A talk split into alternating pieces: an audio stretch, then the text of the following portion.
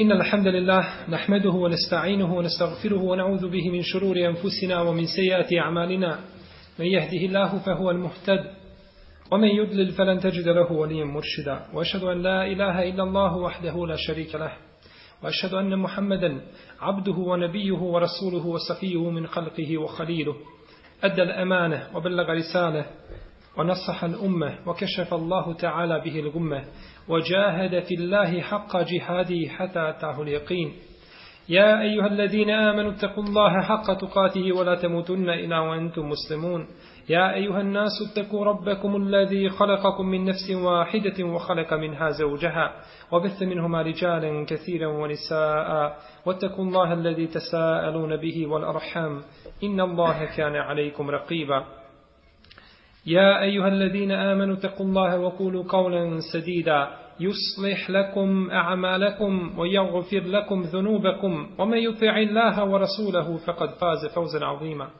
أما بعد فإن أحسن الكلام كلام الله وخير الهدي هدي محمد صلى الله عليه وسلم وشر الأمور محدثاتها وكل محدثة بدعة وكل بدعة ضلالة وكل ضلالة في النار Mi ćemo uz Allahu te barake od tala pomoć nastaviti sa našim predavanjima. Danas je na redu treći, četvrti i peti hadis.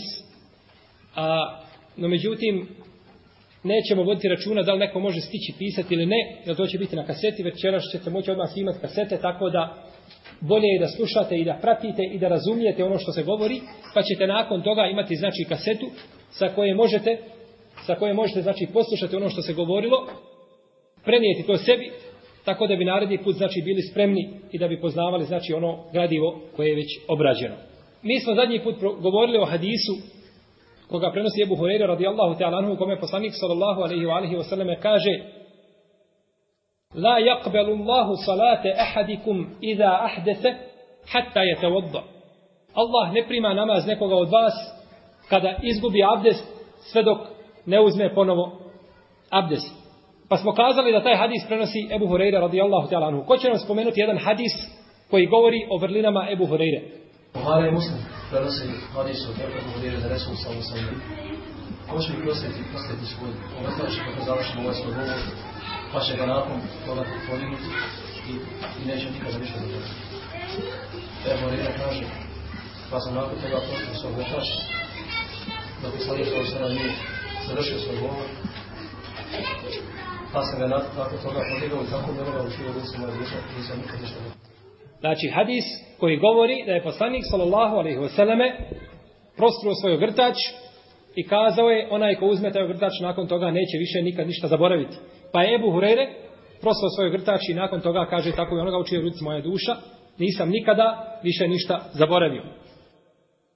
Kazali smo da je Ebu Hurere prenosi najviše hadisa. I kazali smo da ima devet ashaba koji se zovu El Muktirun. Oni koji prenose puno hadisa. Ko će nam spomenuti devet ashaba po redu kako smo i mi spomenuli? Prvi je Urere, Aisha, Abbas. Enes. Enes, Ibn Abbas, Omer. Ibn Omer. Ibn Omer. Džabir. Džabir, Sejid al-Hudri. Ebu Sejid al-Hudri, Ibn Mes'ud. Ibn Mes'ud. Abdullah ibn Amr ibn Al-As. Znači, to je devet ashaba koji najviše prenose hadisa koji se zove, zove El-Muksirun. Znači, prvo Ebu Hureyre, Aisha, Enes, Ibn Abbas, Ibn Omar, Džabir, Ebu Sejid Al-Hudri, Ibn Mesaud i Abdullah Ibn Amr Ibn Al-As radijallahu ta'ala anhum. Znači, to je devet ashaba koji najviše prenose hadise. Uzimanje abdesta je legitimno Kur'anom, sunnetom i konsensusom islamskih učenjaka. Ko će nam spomenuti gdje je to Kur'anom propisan abdest? Ajet. Na arapskom jeziku. Surat Lumaide. Šesti ajet. Znači, propisan je Kur'anom, sunnetom i konsensusom islamskih učenjaka. Kazali smo hadis u kome poslanik sa osvijem kaže da Allah ne prima abdest nekoga od nas kada se da ne prima namaz neko od nas kada ima abdest pa ga izgubi dok se ponovo ne abdesti. Kako dokazujemo sa ovim hadisom da čovjek ne može klanjati bez abdesta? Šta smo kazali? Kako to zaključujemo iz hadisa? La yakbelullah. Allah ne prima to dijelo. A ne treba čovjek i ne smije čin dijelo koje Allah ne prima. Jer je to š, igra i šega. I to Allah što znači neće primiti pa na osnovu toga kažemo zato što je Allah tebala odbio primanje takvog dijela. Dobro, ako čovjek klanja bez abdesta i zaborava. I nakon toga se sjeti, nakon što završi nama, sjeti se da nije imao abdesta. Šta će učiniti? Uzeti abdest i ponoviti Uzeti abdest i ponoviti azam. I to po konsensusu islamskih učinjaka. Nema razilaženja nikada. Svi se znači slažu da čovjek tada mora ponoviti svoj namaz. Dobro, isteklo namasko vrijeme. Istekla je Kindija i ušao u Akšam. Šta će tada uraditi? Klanjaće prvo i kindiju, pakša. Po redu. Ali mora naklanjati taj, mora naklanjati taj namaz. Ako čovjek duži vremenski period ne nađe vode, šta će činiti? Kaže se da je zemlja abdest za čovjeka, taman ne našao vode i deset godina. Govorili smo također o pitanju čovjeka koji nema mogućnosti niti da abdesti, niti da uzmete imum. Šta je sa njim? Ispomenuli smo da imaju dva mišljenja kod islamskih učenjaka. Čovjek ako nema mogućnosti da uzme abdest, prvo mišljenje je da, da obavlja namaz. Prvo mišljenje ima uh, ulema, kaže da abdest, on, oni koji kažu da obavlja namaz, kažu da abdest je uslov za ispravnost namaza. A drugo mišljenje je abdest uslov za obavljanje namaza za obavezu namaza. Obavezu namaza. To kaže ima Malik i većina islamski, i drugi islamski učenjaci. Ja... Manjina. I manjina. I manjina. Iman, jest. A ja će mišljenje da obavi namaz. Jest, da će obaviti namaz. Jest. Ako nema uslov, znači spadam u to, Allah ne opterećuje preko njegove mogućnosti i obavlja namaz. Znači, on ne može uzeti abdest.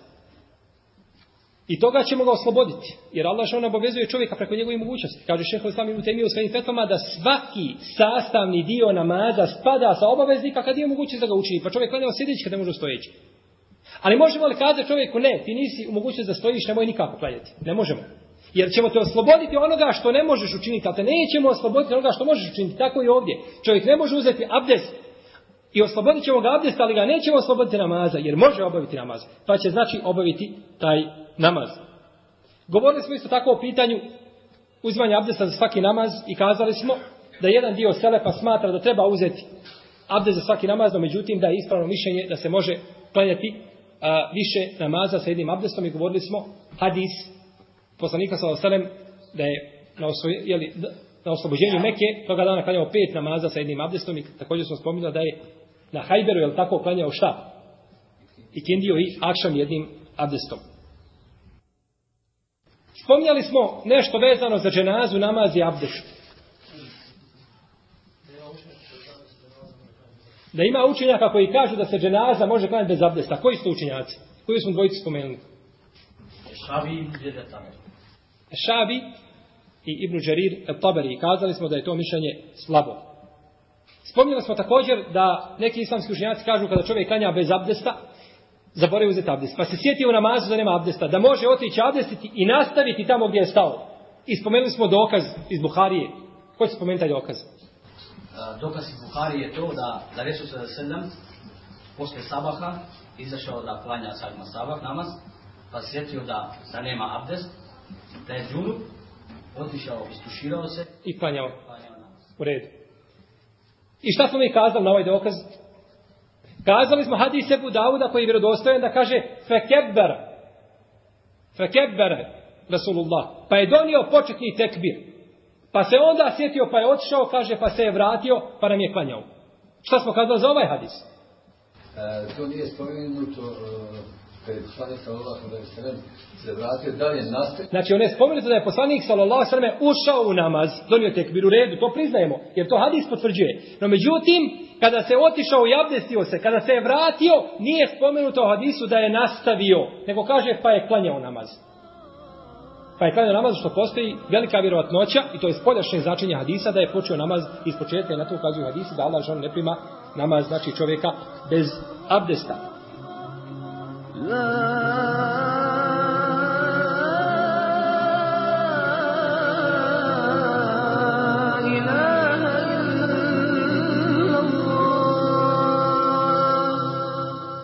treći, četvrti i peti hadis, ovako ga neki redaju, zato što ga prenose tri ashaba, prenose ga Abdullah ibn Amr ibn As, prenosi ga Aisha radijallahu ta'ala anha i prenosi ga Ebu Hureyre. Pa su stavili da su ova tri ovo je jedan hadis, ali sa tri različite strane, od tri različite sahaba, pa ga čine, ili broje ga kao tri hadisa.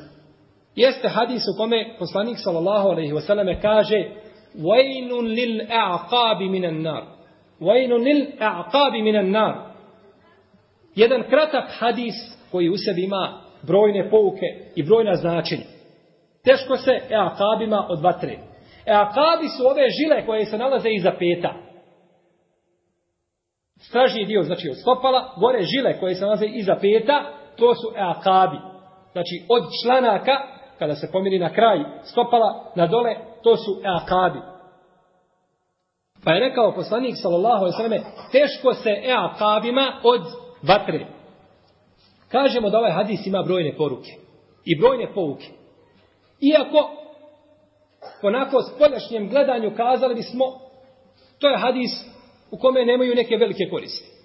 Ali je poslanik sallallahu alejhi ve sellem rekao u titu džavami al kelim dat mi je jezgrovit govor.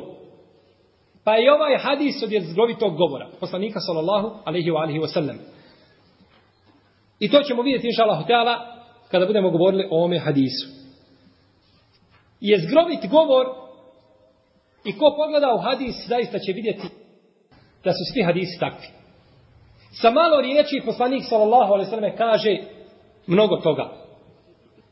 Čuo sam jednog današnjeg islamskog učenjaka koji kaže da imamo mi literature da možemo pokriti zemaljsku kuglu sa njom. Islamske literature. Vjerovatno je mislio Allah najbolje zna kada bi se ti listovi prostrli, što ima listova, vjerovatno tomovi knjiga sami po sebi ne bi mogli to učiniti, ali listovi bi mogli sigurno obaviti zemaljsku kuglu. O čemu? O čemu govorite knjige? govore kako razumjeti Allahove riječ 6200 nešta ajeta i kako razumjeti riječ poslanika sa osim. I cijelu zemaljsku kuglu možeš ispisati s tim riječima. Što ukazuje sigurno da je to sto velike riječi. Jer se o njima toliko puno može govoriti. Ravija ovoga hadisa, ili jedan od ravija, jedan od prenosilaca ovoga hadisa jeste Abdullah ibn Amr ibn Laz. Abdullah ibn Amr ibn Laz, i Ajša i Ebu Horejne. Mi ćemo danas govoriti samo o Abdullahu ibn Amru ibn Lasu, već smo govorili o Ebu Horejni, a Rivaje Tajše će doći sa nama za jedno pet ili šest predavanja, spomenut znači njen hadis u kome kaže da je poslanik sa osalem volio znači da počinje sa desne strane u svim svojim stvarima. Kaže se da je Abdullah ibn Amru ibn Lasu bilo ime El As, pa mu je poslanik sallallahu alaihi sallam nadio ime Abdullah. Primio je islam prije svoga oca. Prije Amra, radi Allah anhuma, primio islam prije njega. A kažu učenjaci da je između njega i njegovog oca bilo samo 11 godina. Drugi kažu 12.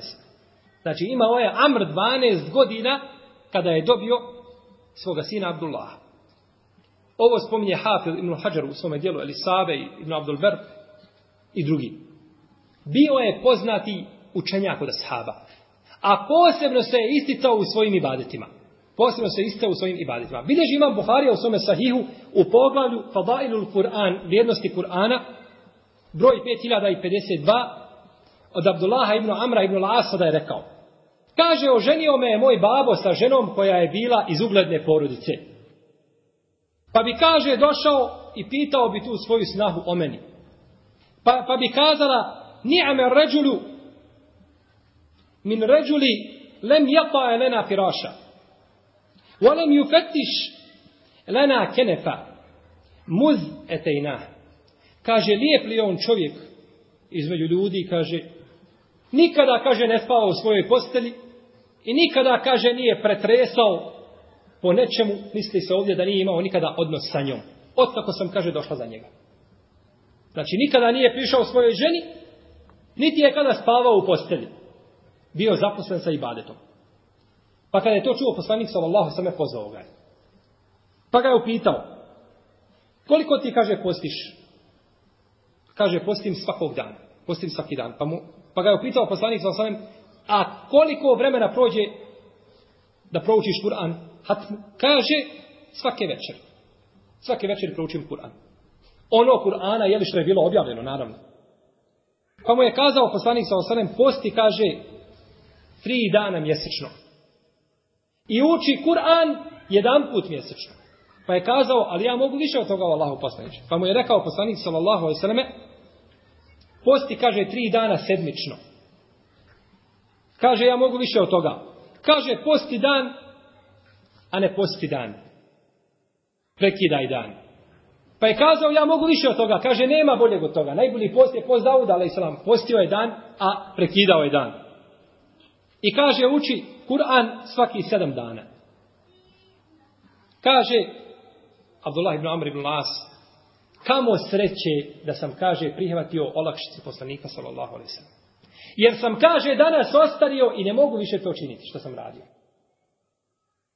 Pa je u mladosti opteretio sebe i kada je došao u poznije godine više nije mogao to. Pa bi kaže morao nekoliko dana da jede da bi mogao jačati, da bi mogao učiniti druge ibadete. I vidimo da i tako čini svako. Kogod ne uzme za olakšicu poslanika, sallallahu sallam, toga na kraju vjera slomi. Nemoguće. A, poslan, a poslanik, sallallahu sallam, kaže Ehabbu la amali ila Allah edvamuha o in kallet.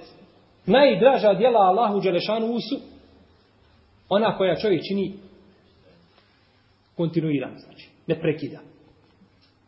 Ne jedan put počne pa prekine. Kaže, kamo sreće da sam prihvatio, znači, olakšicu poslanika, sallallahu alaihi wa alihi wa sallam. Kaže Ebu Hureyre, radijallahu ta'ala anhu, kako bilježi imam Bukhari u svome sahihu, kaže, nema jednog sahaba, poslanika, sallallahu alaihi wa sallam, da zna više hadisa od mene, od Abdullaha ibn Amra ibn Lasa, jer je on, kaže, pisao, a ja nisam pisao hadisa. Pa vidimo, znači, koliko je bio bližan za sticanjem znanja. Dobro.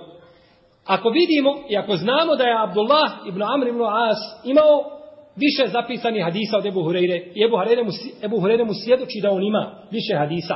Zašto onda Abdullah ibn Amr ibn Las prenosi kudi kamo manje hadisa od Ebu Hureyre? Jer Ebu Hureyre je najviše od onih muksirina, a Abdullah ibn Amr ibn Las najmanje prenosi. Zbog čega? Islamski učenjaci su na ovo pitanje ili na ovaj problem odgovorili na nekoliko načina. Kažu jedni Zato što je Abdullah ibn Amr ibn As bio zaposlen sa ibadetom. Činio je puno ibadete i nije imao vremena da prenosi hadise. Dok je Abu Hureyre prenosio hadise.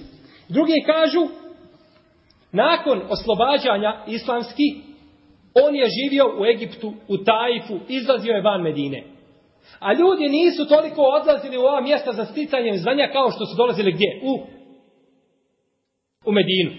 A Ebu Hureyre je ostao u Medini i bio je muftija u Medini do kraja svoga života izdao etet. I prenosio hadise. I zato kaže imam Buhari da od njega prenosi 800 tabina. Od Ebu Hureyre prenosi 800 tabina, dok to nije slučaj sa Abdullahom ibn Amrom ibn Asim. Treći razlog jeste to što je poslanik sallallahu alaihi sallam činio do Ebu Hureyre. A nije to činio drugim ashabima. Pa Ebu Hureyre pamti ono što ovaj Abdullah ibn Amr ibn Asi i drugi asabi nisu mogli zapamtiti. I četvrti razlog koga spominju islamski učenjaci jeste da je Abdullah ibn Amr ibn Al-As čitao puno knjige Kitabija, Tevrat i Inđil. Pa je prenosio ono što je bilo u Tevratu i Inđilu, pa su neki tabijini ustručavali se ili izbjegavali da prenose njegove hadise. Jer nisu znali da, da li su to Isailijati ili je to od poslanika, salallahu alaihi wa alaihi wa sallam. Jer prenosi ima Mahmed i El Begawi, da je Abdullah ibn Amr ibn As kazao, kaže, jedno sam već je usnio, kaže, da na jednom prstu imam, kaže, mas, a na drugom med. Misli se na mas, onako je iz mlijeka, što je koristo, jeli, kao pavlaka i tako. Kaže, pa sam Došao poslaniku sallallahu alejhi ve sellem i ujutru mu rekao, kaže šta sam usnio, pa je rekao, kaže naučićeš kaže oba dvije knjige, naučićeš kaže i Tevrat i Kur'an. Pa kažu, pa je učio i Tevrat i Kur'an i poznavao jedno i drugo. No, međutim, kaže, imame Zehebi u svome djelu Sijeru Alaminu Bela u trećem tomu na 86. stranici, kaže, ova predaja je lažna. U stvari kaže da je munker ništavna, potpuno slaba, jer kaže, nakon dolaska Kur'ana ne uči se više Tevrat i nema Tevrat svoje vrijednosti, jer je tada Tevrat dokinut. A naročito, ako je već bio i prije toga iskrivljen. Umro je 65. po jednom mišljenju. 65. iđeske. Po drugom 67. po trećem 68. Po četvrtom 73. i po petom 77. iđeske godine. Ne zna se znači tačno kada je umro. Neki kažu da je umro u Meki, neki kažu da je umro u Egiptu, neki kažu da je umro u Tajfu, neki kažu da je umro u Palestini i neki kažu da je umro u Šamu. Ne zna se znači, znači tačno je mjesto gdje je umro radi Allahu ta'ala anhu. Ovo bi znači ukratko bilo o biografiji Abdullaha ibn Amra ibn Vasa, koji prenosi ovaj hadis. A o biografiji Ajše, majke vjernika, radijallahu ta'ala anha, ćemo govoriti, inša Allah, kada dođemo do jednog od njenih hadisa. Ovdje smo kazali da je poslanik, sallallahu alaihi wasallam, rekao Vajlun. Vajl u arapskom jeziku predstavlja prijetnju. Vajlun teško se. Neki kažu učenjaci da je Vajl mjesto u džehennemu. Da je to jedna dolina u džehennemu pa da pripada ta dolina u džehennemu onome ko ne pere, znači ta svoja, jeli, stopala dobro, ili ele akabe, kojima smo govorili šta znači. Vojnu lil akab, teško se akabima, neki učinjaci kažu, to se misli, teško se ljudima koji imaju akabe, koji to ne čine. Znači, teško se tom čovjeku koji ne čini, a ne misli se na samo mjesto. No, međutim, poznato je u šerijetu da Allah žanu prijeti i da daje nagradu ili kaznu shodno dijelu koje se učini. Pa kaže, poslanik sallallahu alaihi wasallame ma esfer al ka'beini fehuve pinnar. Ono što je ispod stopala, odnosno ispod članaka, ono što je ispod članaka, to je u vatru. Misli se od odjeće. Znači, da se prijeti onome što, jeli, sodno onome što čovjek učini. A kazao je poslanik sallallahu alaihi wasallame, Allah je zabranio vatri da jede mjesta i dijelove tijela sa kojima čovjek čini srđu. To je Allah što on zabranio vatri. Pa će izići ugljenisani ljudi iz vatre I sve je vatra pojela od njih osim mjesta gdje su činili seždu. To vatra ne možete dirivati.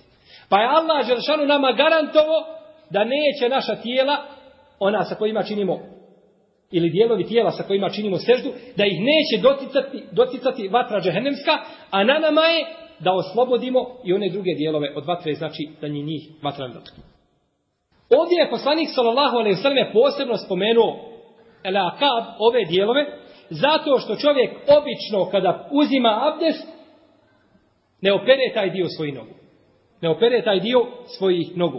U predaji koju bližima Mahmed ibn Huzeyme, kaže poslanik sallallahu alaihi sallame, وَيْنُمْ لِلَاقَابِ وَبُطُونِ الْأَقْدَامِ مِنَ النَّابِ Teško se akabima i donjim dijelovima ispod stopala, znači ovim tabanima, teško im se odbače. Jer to čovjek često, kada pere, ostavi nešto od toga suho. Pa znači time poslanik sa osrem prijeti da se pazi znači na e, pranje stopala. I ovu predaju smatra vjerodostojnom Ibnu Kethir u svome tefsiru.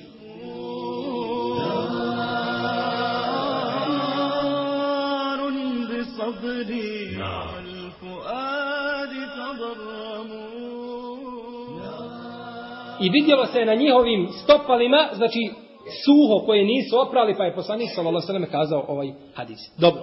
Ovo je bolest teško se, a kabima od vatre. Dobro, što je lijek? Lijek je došao u hadisu koga bilježi ima muslim u svome sahihu u kome je poslanik sallallahu sallam kaže isti ovaj hadis, samo druga verzija.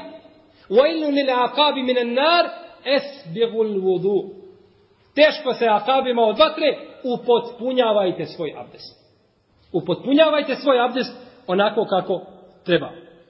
Ovaj nam hadis ukazuje na obavezu pranja svega onoga što se pere kada se uzma abdest.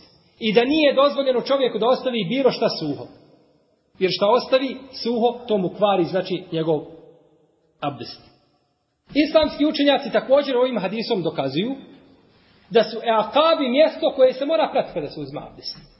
Jer je poslanik sallallahu sallam zaprijetio kaznom onome ko to ne čini. Pa je to dokaz da se to mora pratiti kada se uzima abdest. Također ovim hadisom dokazuju da nije dovoljno potrati po nogama. Jer imaju neki učenjaci koji smatraju da treba potrati samo po nogama.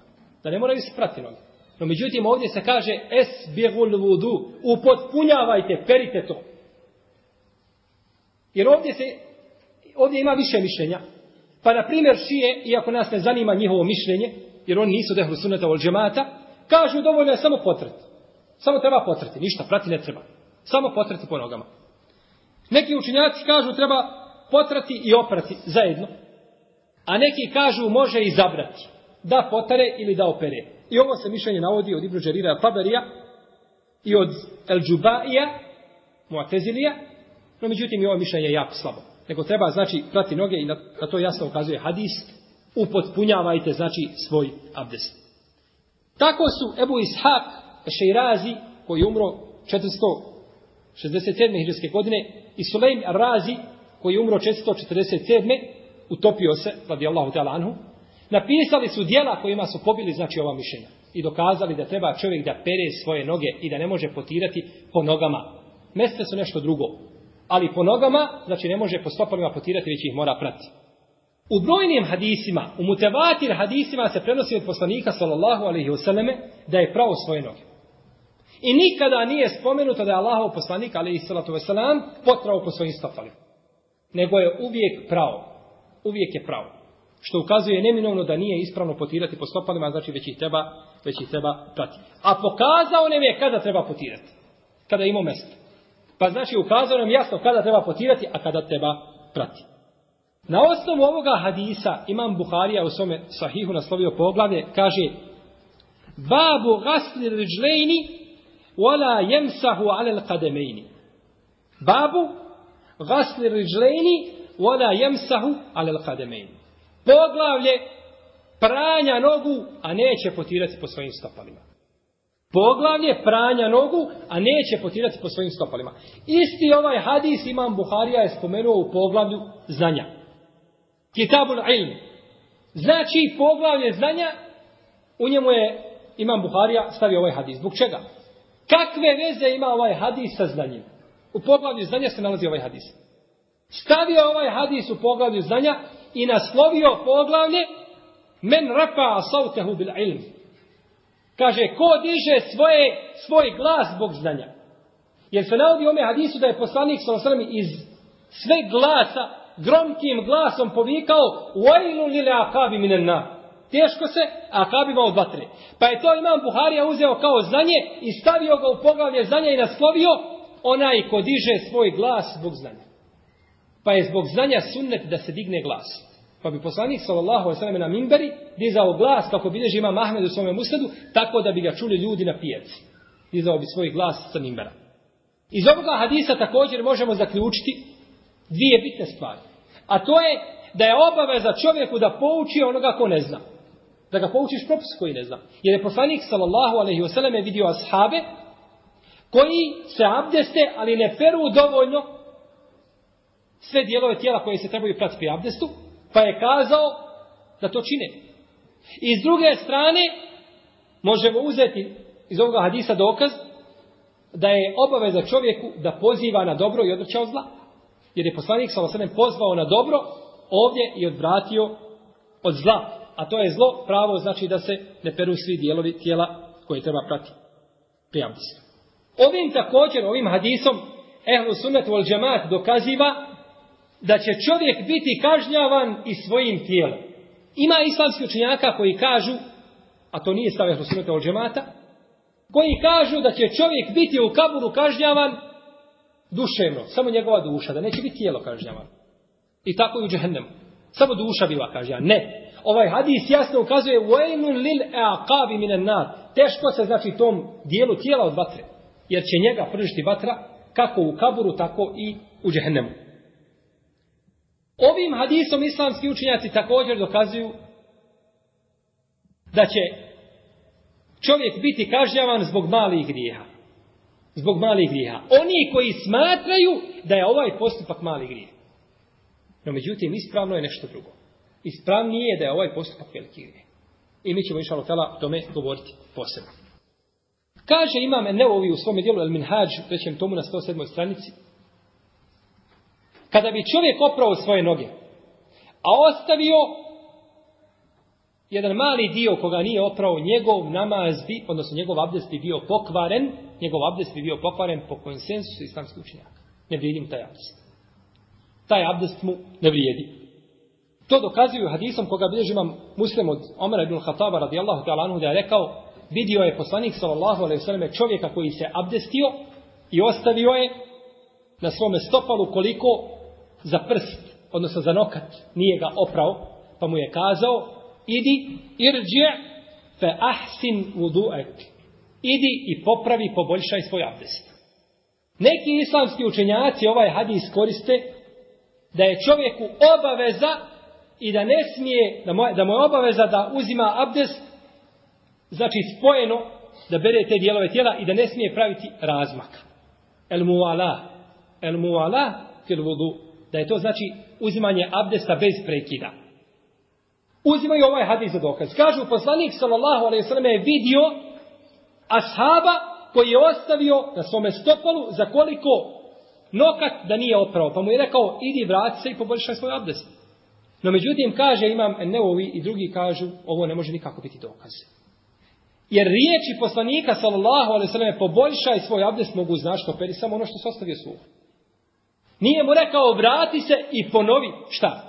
Abdest. Nego samo kaže, poboljšaj abdest. Poboljšati abdest znači možda operi stopala ponovo. Ili taj dio koji se ostavio. Nije jasno spomenuto ponavljanje čega? Abdesta.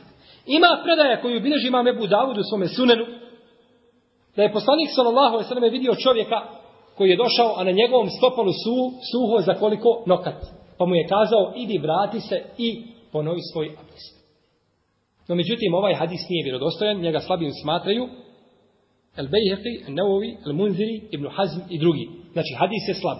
Da je hadis ispravan bio bi jak argument onima koji kažu da se ne smiju praviti prekidi pri uzimanju abdesta. Kako prekidi? Na primjer, Čovjek opere lice i ruke i prije nego što potere po svojoj glavi, okrene se i priča sa svojom hanumom. Minutu, dvije, pet i vrati se nazad. Ovi islamski učenjaci kažu mora početi s početka. Ne smije nastaviti, jer je to prekid. I to zastupuju mišljenje učenjaci hambelijske i malikijske pravne škole. U tom slučaju, kažu, morao bi početi svoj abdest iz početka. Jer je napravio prekid. Učenjaci hanepijske i šafijske pravne škole kažu ne. Može nastaviti svoj, može nastaviti svoj abdest, bilo da se radi o većem, dužem ili kraćem prekidu. Bitno je znači da se opere ono što se traži i što treba oprati. Učenjaci Hanbelijske i Malikijske pravne škole koriste hadisa Omara ibn Khattava koga sam spomenuo. Vrati se i poboljšaj svoj abdest. No, međutim, kažemo, taj argument nije jasan. Nije jasan. Što se tiče drugog dokaza, koga bliži Ebu Davud u svome sunenu, da je poslanik s.a.v. naredio tome čovjeku da ponovi abdest, hadis nije vjerodostojan. Pa ne može poslužiti kao argument. Dobro, čime dokazuju onda hanefijski i šafijski učenjaci da čovjek može praviti prekide. Dokazuju to predajom koju obilježi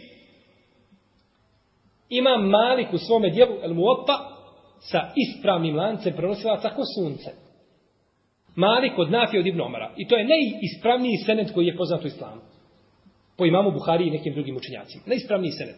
Kažu da je Ibn Omar uzimao abdest, da je potrao po svojoj glavi, Potom su ga ljudi pozvali da dođe u džamiju da klanja dženazu. Pa je ušao u džamiju, potom je potrao po svojim mestvama i klanjao dženazu. Postupak Ibn Omar, postupak Ashaba. A poznato je da Ibn Omar, kako kaže, Hafil Ibn Hajar u svome dijelu, Takrib i Šehul Islam Ibn Tejnju u svojim fetvama i drugi, da je jedan od Ashaba koji je najžešće sledio sunnet. I to je poznato u knjigama biografije da se to spominje od Ibn Omara radijallahu ta'ala. Ušao je u džamiju i onda potrao po svojim mestom. U redu. Možda će neko kazati, pa abdestio se blizu džamije i odmah sa vrata ušao i potrao. Pa nije napravio prekid veliki, to se možda radi o sekundama. Kažemo, jeste, tako bi bilo da nije predaje koju bilježi imam Bejhefija u svome sunenu, u prvom tomu, na 136. stranici. 397, broj predaje. Kaže se, fe mesaha ala hufejhi ba'dema džepe u duhu u osama. Pa je potrao po svojim mestvama nakon što se njegov abdes bio osušio. Ha, ovo ukazuje da je bio šta, prekid? Duži. Pa kaže, potrao je po svojim mestvama nakon što se njegov abdes bio osušio. Kaže Imam El Beheti, u svome dijelu Esunenu, nakon što je spomenuo Esunen, nakon što je spomenuo u predaju, kaže i ovo je vjerodostojno što se prenosi od Ibnomara. Pa znači vjerodostojno smatra ovu predaju. Tako znači da je ovaj od poslanika, sallallahu alaihi sallam, nema ništa jasno što ukazuje na zabranu, a postupak ashaba ukazuje da je dozvoljeno. Pa bi u svakom slučaju ovdje mišljenje hanefijskih i šafijskih učenjaka bilo jače i prioritetne.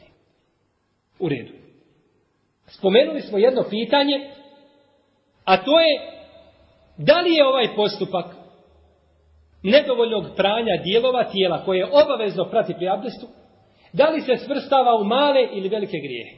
Jer mi znamo da imamo male i velike grijehe. Da li je mali i veliki grijeh? Jedan dio učenjaka kažu da je mali. No međutim, Allah zna najbolje da je ispravnije da je ovo veliki grijeh. Da je ovo veliki grijeh. U velike grijehe ga je svrstao imam Ibnu Hajar el-Hejtemi. Ibnu Hajar nije ona Ibnu Hajar, to ima svoj komentar na Buhari i Sahi, on je umro 852. Ova Ibnu Hajar el-Hejtemi, on je umro 973. hijđarske godine. Ali oba dvojica su šafijski pravnici. Kaže u svome dijelu Ezeoađir, Aniktilafil, Aniktilafil Kebair, da je ovaj postupak veliki grijeh. Prenosi imam Tabranija u 22. tomu na 64. stranici da je poslanik sallallahu alejhi ve selleme rekao ko ne bude dobro prolazio svojim prstom malim misli se na lijevu ruku Allah najbolje zna između nožnih prstiju i ne bude to dobro voda nakvasila takve će prste obavijati vatra džehennemska na sudnjem danu no međutim ovaj hadis slabim smatra Ibnu Hajar El Askalani i Šeh Albani i drugi. Pa hadis nije vjerodostojan. Ali bilježi imam El Tabarani u svome dijelu El Eusak od Ibnu Mesauda radijallahu ta'ala anhu da je poslanik sallallahu alaihi sallam rekao ili ćete dobro prati svoje prste i ono što je između prsta ili će ih obavijati vatra na sudnjem danu. Kaže šejh Albani u svome sedmom dijelu svojih zlatnih serija pod brojem 3689 da je ova predaja vjerodostojna. Ili ćeš dobro prati, znači, svoje prste i ono što je između prsta, ili će to obavijeti vatra džehennemska u redu. Šta je veliki grijeh? Islamski učenjaci kada definišu veliki grijeh kažu veliki grijeh je sve ono ako ga čovjek počini ili ako ostavi pa to ne čini prijeti mu se sa vatrom džehennemskom ili prokletstvom ili kaznom na dunjalu ili na ahiretu. To se smatra velikim grijehom. A vidimo ovdje da se jasno prijeti velikim grijehom. Da se smije, prijeti, prostite, vatrom džahenemskom, pa bi tako ovaj postupak se smatrao velikim grijehom. Wallahu ta'ala, amen. Bileži ima Mahmed u svome musnadu predaju, koju vjerodostanom smatra Ibn Hajar el Hejtemi i dobrom šeh Albani, da je poslanik, sallallahu alaihi sallam, jednoga dana na namazu učio suru Ar-Rum. Suru Ar-Rum. Pa mu se otežalo njegovo učenje. Bilo mu je teško. Kada čovjek stane pa ne može krenuti, zaboravi i tako dalje. Pa je kazao poslanik sallallahu alaihi wasallam, šeitan mi je, kaže, otežao učenje. I to kaže zbog ljudi koji dolaze i klanjaju sa nama, a nemaju abdesta. Zbog ljudi koji dolaze i klanjaju sa nama ovdje, a nemaju abdesta. Dobro, što znači ovo nemaju abdesta? Da je neko da sahaba došao i stao u sap bez abdesta? Nije. Nije. To je pojasnila druga predaja koja također ima dobar lanac prenosilaca u kojoj se kaže da je poslanik sallallahu alejhi ve sellem rekao yusallune mana la yuhsinun alwudu. Klanjaju sa nama namaz, ali nisu potpunili svoj abdest kako treba. Pa se znači ostavili nešto suho. Pa je to utjecalo na kirajet i na učenje poslanika sallallahu alejhi ve alihi ve U jednoj drugoj predaji koju bilježi Ibn Mađa sa dobrim lancem prenosilaca kaže se da je poslanik sallallahu alejhi ve sellem rekao ne prima Allah namaz nekoga od vas dok ne upotpuni svoj abdest kako treba. Onako kako mu je Allah džeršao naredio, pa ne opere znači svoje lice, svoje ruke, ne potare po svojoj glavi i ne opere svoje noge. Ne prima Allah džeršao takvog namaza. Znači dok ne opere svoje noge, cijele ili bilo ili ove druge dijelove tijela koje je obavezno prati kada se uzima abdest. Kaže Ibnu Hajar al-Hajtemi u svome dijelu Ezevađir, iz ovih hadisa možemo zaključiti žestoku prijetnju onome ko ostavi nešto od onoga što je obavezno prati pri abdestu. I na ovo što je spomenuto u hadisima, kaže, može se analogno tome uzeti sve drugo što je obavezno prati za abdest. I to se, kaže, smatra velikim grijehom. To se znači smatra velikim grijehom. Ovo bi bilo ono što spominju islamski učenjaci vezano za propise ahkjame koji se tiču ovoga hadisa. Možda imaju ovdje još neka jezička značenja razilaženja koja mi nismo htjeli spominjati jer to je vezano za sam arapski jezik, za terminologiju znači arapskog jezika, a nije vezano znači za same propise. Uglavnom ono što se tiče propisa to smo inša Allahu Teala spomenuli. وصلى الله على نبينا محمد وعلى اله وصحبه اجمعين وجزاكم الله خير الجزاء. Ovdje E, jedna sestra nam je poslala pismo, jedna je pisala sestra, pa traži da se ovo pismo pročita javno pred braćom. Es salatu wa salamu ala resulillah, ovako piše. Pošto se i kod nas, alhamdulillah, u posljednje vrijeme spominje više ženstvo, samo nažalost imam osjećaj kao bauk, a ne kao jedan od Allahovih stvoritela svjetova propisa. Spomenut u našem dragom Kur'anu, Mislim da bi trebalo o ovoj temi malo više razgovarati. Molim Allaha, stvoritela svjetova, da učvrsti naša srca i da nam podari ono što je hajr za nas.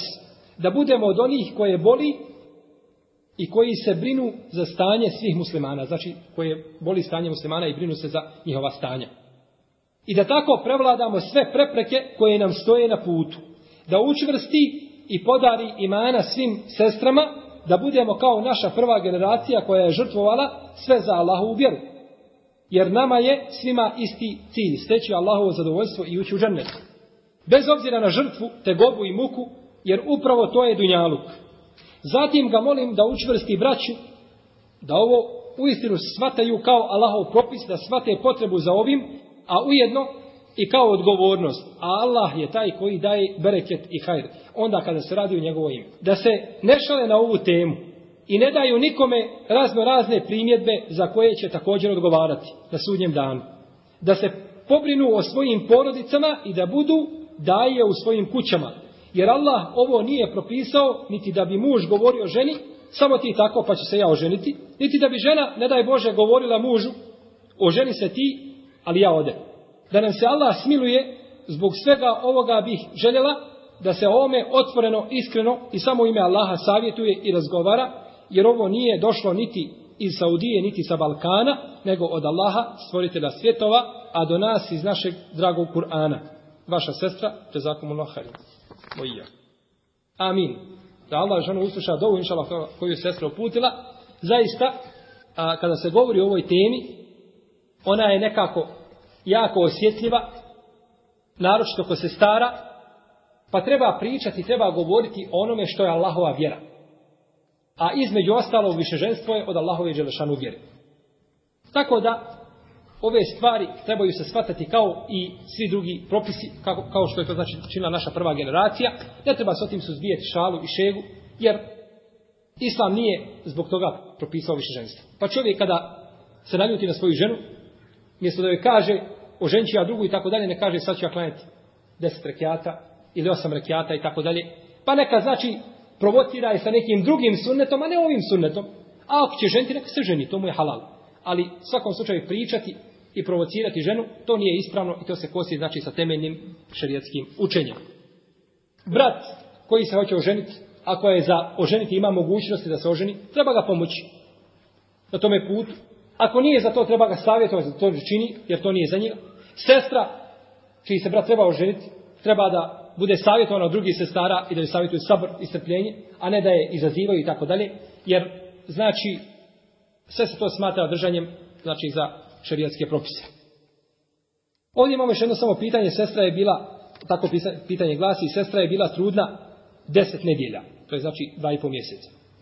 Tada se morala očistiti interesuje je da li je morala klanjati u tom periodu, pošto je tek danas čista za namaz, sa napomenom da su joj lekari rekli da će hajz nastupiti za šest sedmica, a ona je negdje čitala da krv poslije tog čišćenja, da je krv poslije tog čišćenja čista krv, interesuje je šta da radi.